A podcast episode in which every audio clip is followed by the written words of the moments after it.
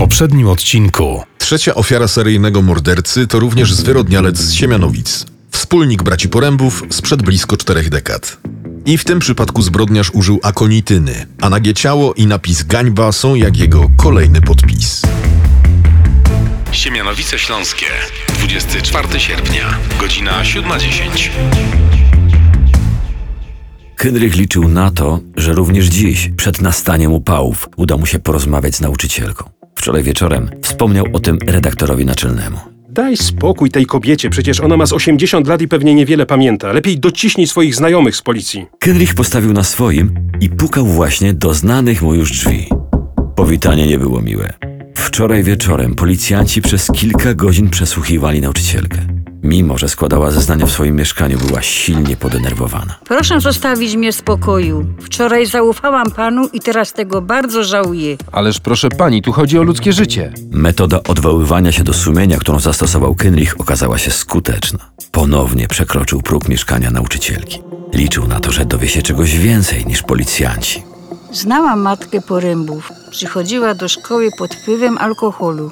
Nie przejmowała się tym, że jej synowie znęcają się nad innymi. Kenrich dowiedział się, że ojciec Porębów pochodził ze wsi w Łódzkiem. Przyjechał do Siemianowic za pracą, a w ślad za nim przyjechała jego narzeczona. Mieli co najmniej ośmioro dzieci. Wystarczy, że położy spodnie obok mnie już jestem w ciąży. Tłumaczyła matka Porębów, puszczając oko do nauczycielki. Trzeciego, Adama Szaufla, jedynaka, samotnie wychowywała matka. Był bardzo podatny na wpływy silniejszych i zdaniem nauczycielki po prostu wpadł w złe towarzystwo. Z tego co pamiętam, było ich czterech. Czterech? A kto był czwarty? Dopytywał Kinrich. Piotrek, jego pamiętam najsłabiej. Jego ojciec miał prywatną ciężarówkę, zajmował się przewozami. O Piotrek Wichta! Nauczycielka nie potrafiła jednak powiedzieć, gdzie mieszka Wichta i czym się teraz zajmuje. Jeszcze jedno. Cała czwórka chodziła do Młodzieżowego Domu Kultury na jakieś zajęcia, które miały ich resocjalizować.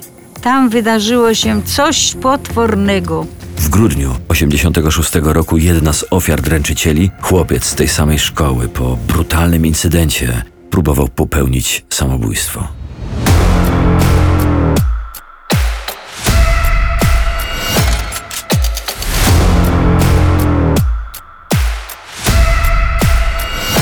干一把。